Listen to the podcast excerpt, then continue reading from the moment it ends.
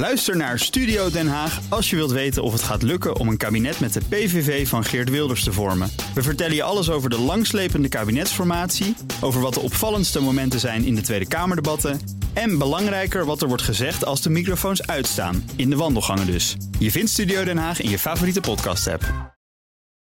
BNR Nieuwsradio. BNR Zaken doen. Thomas van Zeil. Volgens de oprichter van een van de grootste hedgefunds ter wereld zal de toenemende ongelijk, ongelijkheid leiden tot een revolutie. En om dat te voorkomen moet er nu ingegrepen worden. We gaan kijken of de situatie echt zo ernstig is met het economenpanel. Uh, en dat bestaat vandaag uit Harold Benink, hoogleraar bankwezen en financiering aan de Universiteit van Tilburg. Barbara Baarsma, directievoorzitter van Rabobank Amsterdam. En hoogleraar marktwerking en mededingingseconomie aan de Universiteit van Amsterdam. En Bas Jacobs, ik hoop dat het klopt, hoogleraar openbare financiën en economisch beleid aan de Erasmus Universiteit. Rotterdam? Zo goed als. Zo goed als. Mijn zakenpartner is Tanja Nagel, commissaris bij EY en Kasbank. Welkom allen. Laten we praten over die boodschap van die oprichter van het hedgefonds. Die heeft uh, opgeschreven dat de ongelijkheid tussen arm en rijk toeneemt. Dat de levensverwachting tussen hoger en lager opgeleide verder uit elkaar loopt. Kortom, een toenemende ongelijkheid. Is dat een signaal dat we serieus moeten nemen? Barbara? Het land waar deze meneer woont is de Verenigde Staten. En eh, daar is ongelijkheid inderdaad uh, een toenemend probleem. Als je kijkt naar een land als Nederland, uh, geldt een hele andere werkelijkheid. Um, dus ik vind wel dat je rekening moet houden met de context waarin deze meneer dat zegt. Um, maar dat er in Amerika iets moet worden gedaan om de ongelijkheid die inderdaad toeneemt uh, een, een, uh, een, rem op te leggen, daar ben ik het mee eens. Uh, en dat is niet zozeer een persoonlijke opvatting of een politieke insteek, maar uit onderzoek van de OECD, ik meen uit 2014 of misschien was het 2015, blijkt dat economieën die structureel ongelijk, waar ongelijkheid toeneemt en structureel op een hoog niveau ligt, gewoon minder hard groeien. Dus het is ook voor de Amerikaanse economie beter als ze uh, de poet iets gelijker verdelen. En die is inderdaad wel heel erg ongelijk verdeeld. Als je kijkt in de jaren 80 verdienden geloof ik 1 pro, de 1% rijkste mensen verdienden 12% van het totale inkomen. En dat is nu 20%. Dus het neemt erg toe. Ja. Terwijl in Nederland is het omgekeerd. Wij waren tot, laten we zeggen, medio jaren 60 best ongelijk.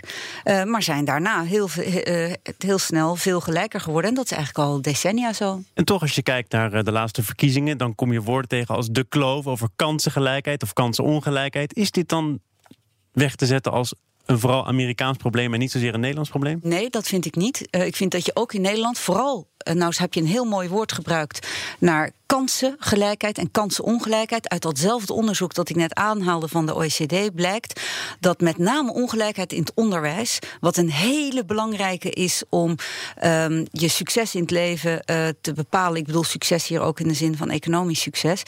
Uh, dat, dat als er kansongelijkheid is in het onderwijs, dat dat de ongelijkheid alleen maar vergroot. In Nederland helaas is het onderwijs een kansongelijkheidsvergroter, terwijl het een kansgelijkheidsvergroter. Dus we hebben wel wat te doen, maar het resultaat is nog niet dat hier de inkomensongelijkheid toeneemt. Was, zou het, sorry, oh, Tanja, zou, zou die het eigenlijk bedoeld hebben voor um, Amerika of Nederland, of misschien wereldwijd? Nou, hij heeft het wel wat als pamflet tegen het kapitalisme opgesteld. En ik denk er zijn meerdere vormen van kapitalisme. En het Anglo-Saxische kapitalisme, laten we zeggen, de Amerikaanse droom, is inderdaad misschien wel nou ja, uitgestelde uh, teleurstelling, laat het zo maar zeggen. Mm. Uh, terwijl als je kijkt naar de, het Rijnlandse manier, of, of ja, hoe je het ook wil zeggen, de, de, de Noordwest-Europese manier van kapitalisme, dat is veel meer een staatsgestuurde markt, uh, markteconomie. Daar denk ik dat kapitalisme prima kan werken. Mm. Ik, ik, denk dat, uh, dat Nederland een, uh, inderdaad een uh, relatief gelijk eiland is in een wereld die inderdaad in hoog tempo ongelijker aan het worden is. Dus ik denk dat meneer Dalio absoluut een punt heeft dat we wereldwijd zien dat de inkomensconcentraties aan de top in zowel inkomen als vermogen aan toenemen zijn. Dat zien we bijvoorbeeld ook in Scandinavische landen. En hij ziet het op zijn eigen bankrekening overigens, en, en, 20 en miljard dollar. Hij, hij, raakt aan iets wat uh, wat denk ik al jaren in Amerika een probleem is. Bedoel, Barbara heeft gelijk dat, dat de, de onderste helft van de bevolking heeft in de afgelopen 30 jaar geen reële inkomensstijging gehad. En ik denk dat dat uh, politiek corrosief werkt. Dat denkt, uh, denkt Dalio zelf ook. Hij is niet de eerste die dat doet. Een paar jaar geleden heeft Steve Hanauer, een van de mede-oprichters van, uh, van Amazon, al een TED-lecture gegeven. Die kan ik van harte aanbevelen. Waarin hij waarschuwt zijn, zijn fellow plutocrats. Zijn, my fellow plutocrats, the pitchforks are coming. De hooivorken komen eraan. En hij ziet ook allerlei macro-problemen. En ik denk dat dat ook een kwestie is van, van wat er nu in Amerika uh, speelt. Er zijn allerlei macro-problemen die gepaard kunnen gaan met, uh, met die enorm toenemende ongelijkheid. Het kan onderinvesteringen in onderwijs zijn. Daar, werkt, daar wijst Dalia ook onder op. Die returns, de, op, de opbrengsten van onderwijsinvesteringen zijn heel hard aan het toenemen. Amerika investeert niet meer in onderwijs. Tweede is, ik denk dat er macro-economisch gezien ook een probleem zit met schulden en allemaal dat soort zaken. Want mensen aan de onderkant komen vooral vooruit door meer schuld te maken. Ja, en er dan is nooit meer uit. Want... En die rijke mensen die krijgen alleen maar meer vermogen als er andere mensen zijn die meer schuld opbouwen. En er, er zit daar iets helemaal scheef in de financiële architectuur, denk ik. En ook daarom zou een zekere mate van herverdeling kunnen bijdragen aan het proberen uh, op te liften van de middenklasse. Zodanig dat die Amerikaanse droom weer een droom wordt in plaats van een nachtmerrie. Want je ziet nu dat als je voor een, een dubbeltje geboren wordt, dat je niet zo makkelijk meer een kwartje kan. Harold Benink, over financiële architectuur gesproken. Jouw bespiegeling op dit essay en de boodschap. Nou ja, ik denk dat we ook naar Europa moeten kijken. Ik denk als je bijvoorbeeld naar Duitsland kijkt, Duitsland is heel succesvol geweest. Uh, maar met de Hartz-IV-banen zijn heel veel mensen die dus ontzettend weinig verdienen. In Duitsland zie je die vermogensongelijkheid ook toenemen. Denk aan een aantal landen in, de, in Zuid-Europa, Italië, met grote problemen. Economische groei de afgelopen twintig jaar rond de nul uh, gemiddeld. Uh, jonge mensen kunnen geen baan vinden. Als ze al een baan vinden, dat hoor ik ook van studenten, dan is het tegen ultralage lonen. Denk aan Brexit. Uh, in het Verenigd Koninkrijk, waar de combinatie natuurlijk van ook de druk op de arbeidsmarkt, migratiestromen, globalisering ook tot bepaalde politieke tendensen uh, leidt. Dus ik denk dat we in Europa ook onze nodige zorgen over dit thema Dus die revolutie is eigenlijk al gaande. Hij waarschuwt ervoor, ja, maar kijk, eigenlijk... Het is minder extreem dan in de Verenigde Staten, maar dat dat ook in, hier in Europa aan de gang is. En dat bijvoorbeeld ook, denk ik, tijdens de Europese parlementsverkiezingen van eind mei dat dit ook een grote impact gaat hebben. Hè? De kansen van mensen en de ongelijkheid. Ik denk dat we daar onze ogen niet voor moeten sluiten. Het is niet zo erg als in Amerika, maar hier zien we ook een aantal processen die onderweg zijn. Dan naar een uh, vooral Nederlandse kwestie, althans uh, zo ervaren grote bedrijven dat soms. De ondernemingsraden van 17 grote industriële bedrijven willen dat een eenzijdige CO2-heffing in Nederland van tafel gaat. Dat schrijven de vertegenwoordigers van het personeel in een brief aan premier Rutte, minister Wiebes en de Tweede Kamer. Gaat het onder andere over Tata Steel, over Shell. Nou, daar kun je tegenwoordig anders denken, hoorde ik net.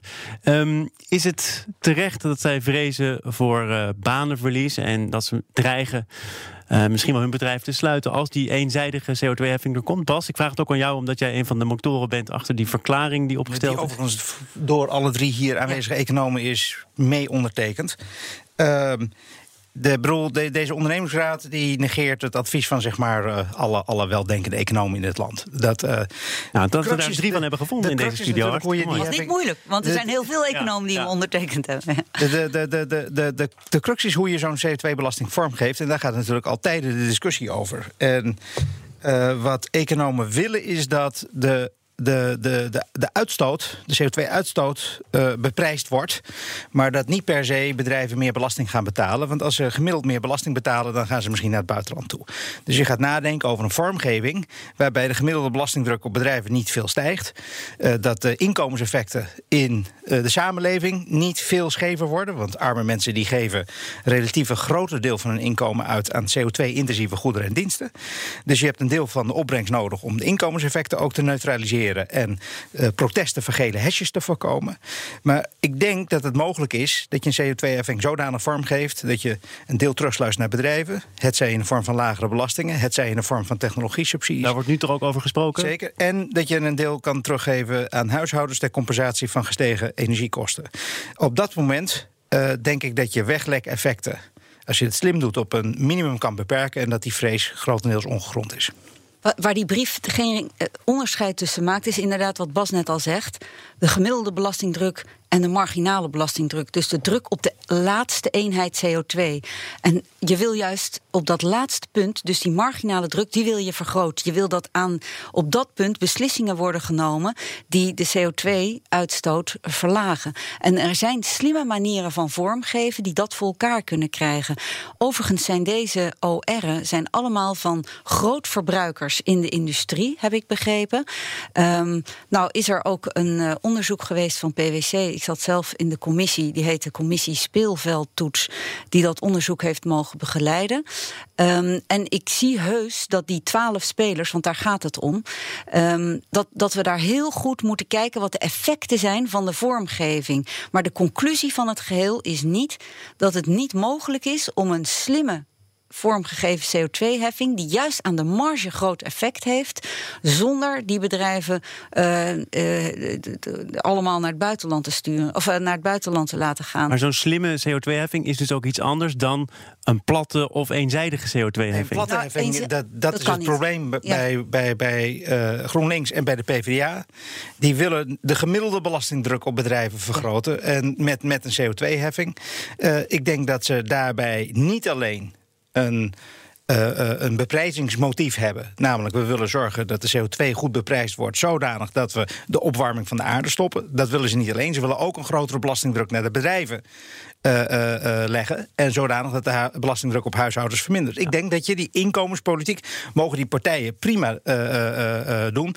Maar niet over dit thema. Met beter kunt doen via, via de vennootschapsbelasting. Want beprijzing van CO2 is een verkeerd instrument om inkomenspolitiek maar te Maar er is nog één ander ding nodig van de politiek. En dat is dat um, we, we zijn nu over dit beleid aan het praten. En het is zo belangrijk dat we consistent beleid voeren. Dus voor die bedrijven bedoel ik zeker die grootverbruikers. Die nemen nu besluiten, of morgen besluiten, die twaalf jaar vooruit. Hè. Die, die investeringen die, die hebben pas dan effect, of zeven jaar vooruit. Dus je moet echt, uh, het ongelooflijk belangrijk is, consistentie van het beleid. En vervolgens denk ik ook dat het belangrijk is dat je hoeft niet in één keer uh, een CO2-heffing nu in te voeren. Je kan het ook aankondigen en een ingroeipad nemen. Ook dat is een knop waar je aan kan draaien als je slim wil vormgeven. En het is ook weer hier de ja, de lobbybelangen zijn natuurlijk draaien op volle toer. Het valt me op dat er ook vanuit het PwC-rapport ook wel selectief wordt uh, geciteerd.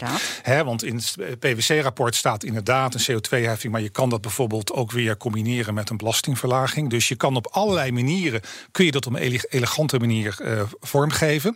Toen ik dat vanochtend las, toen kreeg ik toch ook weer het idee van een paar jaar geleden, toen minister Dijsselbloem de kapitaalratio van banken wilde verhogen van het minimum van 3 naar 4 procent.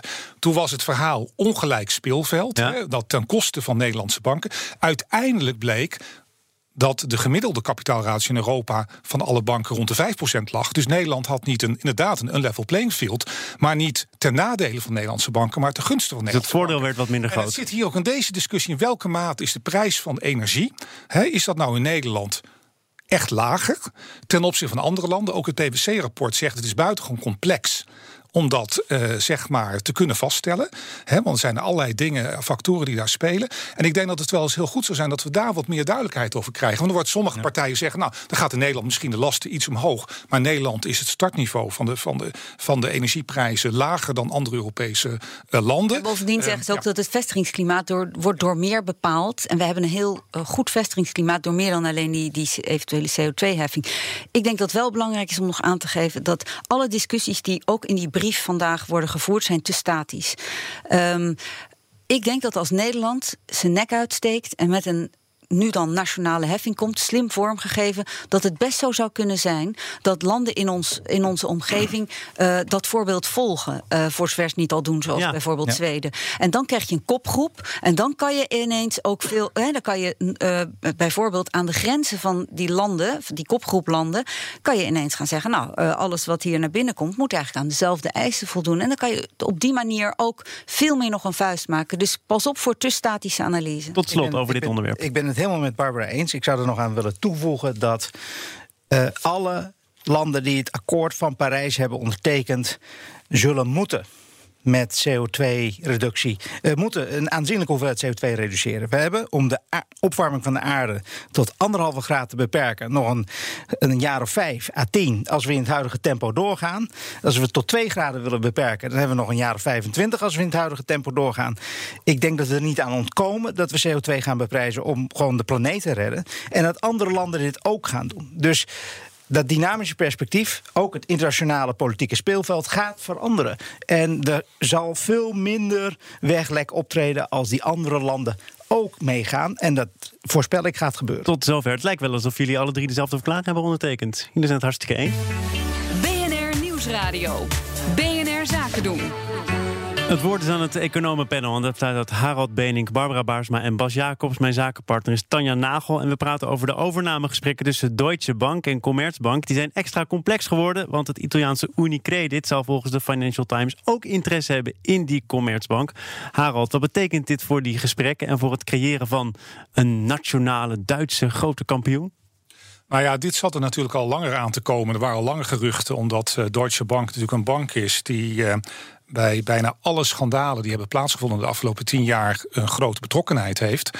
Um, maar het zorgelijke van dit hele verhaal is natuurlijk een hele discussie van too big to fail. Grote systeembanken die eigenlijk zo groot worden uh, dat ze eigenlijk uiteindelijk, als ze in de problemen komen, door met geld van de belastingbetaler zullen moeten worden gered. Natuurlijk hebben we een, in Europa het resolutiemechanisme, een bail-in, waarbij obligatiehouders en houders van achtergestelde leningen in principe zouden moeten bloeden als een bank in de problemen komt. Maar ja, als een groot systeemrisico is, een vertrouwenscrisis verbonden aan het in problemen komen van een systeembank, dan, uh, dan zul je zien dat er toch weer enorme politieke krachten zijn om die bank zeg maar uh, weer uh, overeind te houden met belastinggeld. Dus de, de lessen van de crisis, dus als je grote banken hebt met relatief lage kapitaalbuffers. Want ook bij Deutsche Bank liggen die ook nog steeds op 4, 5 procent van het uh, balanstotaal.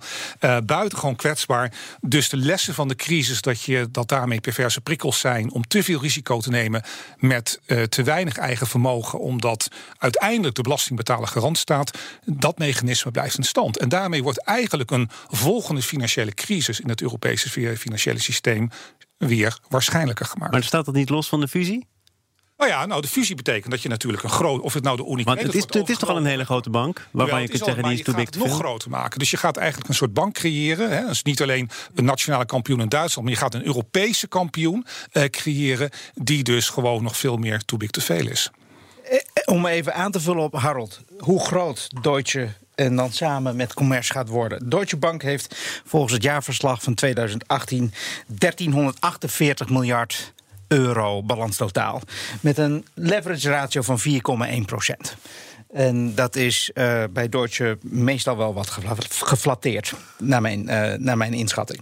Daarnaast Commerce heeft een balanstotaal van 462 miljard euro... met een leverage ratio van 4,8 volgens hun uh, jaarverslag. Dat geeft totaal een bank, als ze zouden fuseren, van 1810 miljard. En dat is 53 procent van de Duitse economie. Dat is een bank die 2,5 keer zo groot is als de Nederlandse economie.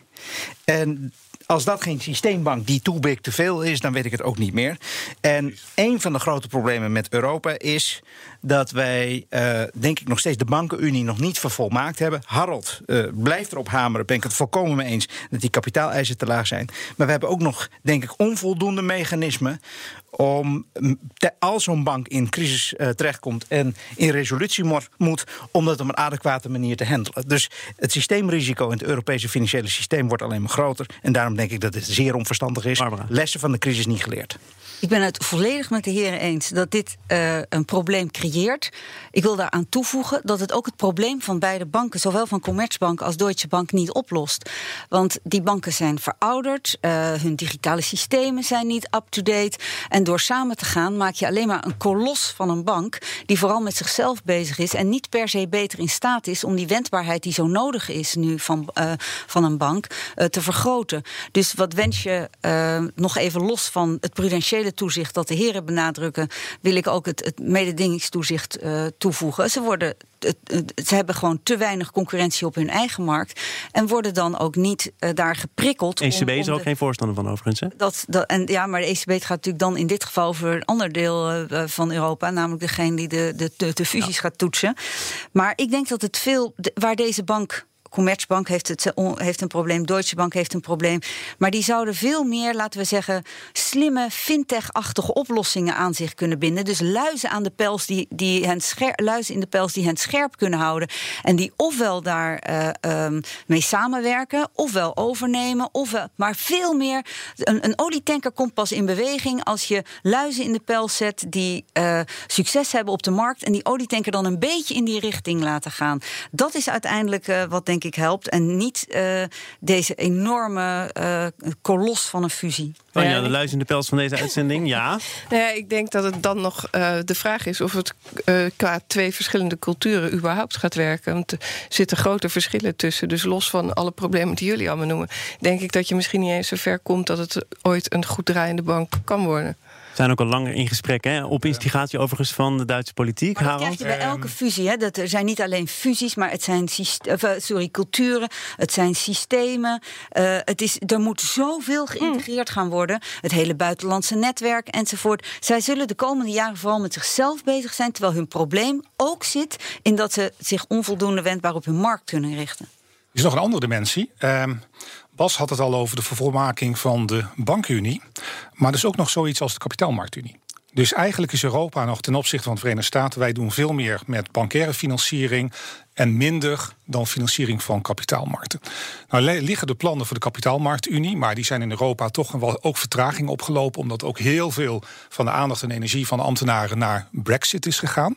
En vorige week maandag was ik mede-organisator van een grote conferentie bij de Financial Markets Group van London School of Economics over Brexit ah. en de implicatie voor financiële dienstverlening. En een van de dingen die naar voren kwam, kijk, stel dat we nou een Brexit krijgen. Op een of andere manier krijgen we waarschijnlijk een, een, een zachte Brexit. Er wordt nou gesproken over een douane-unie hè, met vrij goederen. Laten we het hopen. Uh, dan is het dus financiële diensten zullen daar niet noodzakelijk zitten daar dus niet bij. Dus het, waarschijnlijk zal het zo zijn dat um, wij vanuit het Europese continent voor kapi ingewikkelde kapitaalmarktfinancieringen is Londen nog steeds heel dominant. Dus dat betekent als Londen voor een deel gaat wegvallen en wij willen toch dit soort faciliteiten voor het grote bedrijfsleven in stand houden, betekent dat wij in versneld tempo op het Europese continent uh, die kapitaalmarktunie moeten vervolmaken. Dus de focus moet niet zozeer ligt die, is die urgentie er? Weten mensen dat dan? Ja, nou, dat was eigenlijk wat op de conferentie heel nadrukkelijk naar voren kwam. Dat er dus het Europese continent, de kapitaalmarktunie, zal met spoed moeten worden versterkt. Om zeg maar de toegang voor Europese bedrijven tot dit soort financieringen op hetzelfde niveau, tegen hetzelfde kostenniveau te kunnen handhaven. En dus we moeten eigenlijk veel minder op de banken gaan focussen. Hè, in de zin van moeten we nou die banken allemaal gaan fuseren? Dat moeten we ook doen, die bankenunie vervolmaken. Maar we moeten ook heel erg met die kapitaalmarktunie aan de slag om die banken ook relatief minder belangrijk te maken. Was? Ja, eens. En uh, ik denk ook dat. Uh, ik, vind, ik, begrijp niet goed waarom het spelletje van het kweken van nationale kampioenen in de financiële sector.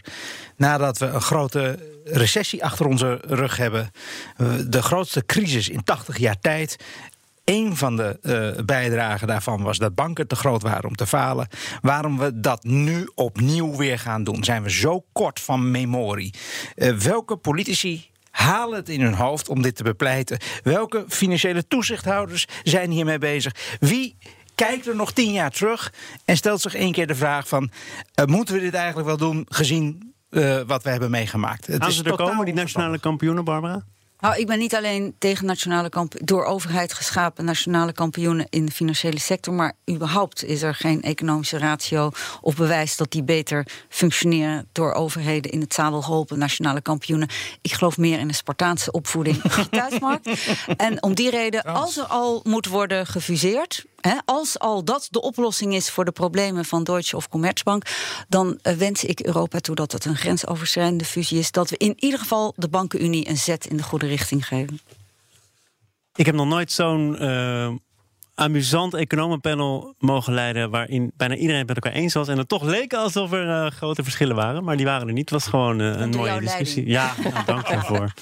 Dan kan ik zo meteen met de gerust Best wel eens over dingen oh ja? eens. Want ik heb begrepen over die verklaring. dat daar, daar stonden inderdaad bijna alle economen onder. dat dat heel uitzonderlijk was, die CO2-verklaring. Dat is uitzonderlijk, maar het is zo'n no-brainer dat je sch- milieuschade wil beprijzen en dat de vervuiler moet betalen.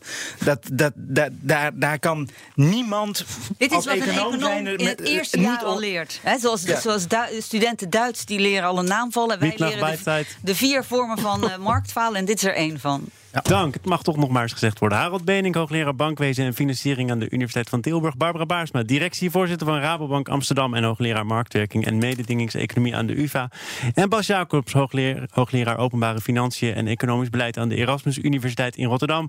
Dank ook aan mijn zakenpartner Tanja Nagel, commissaris bij EY en Kastbank.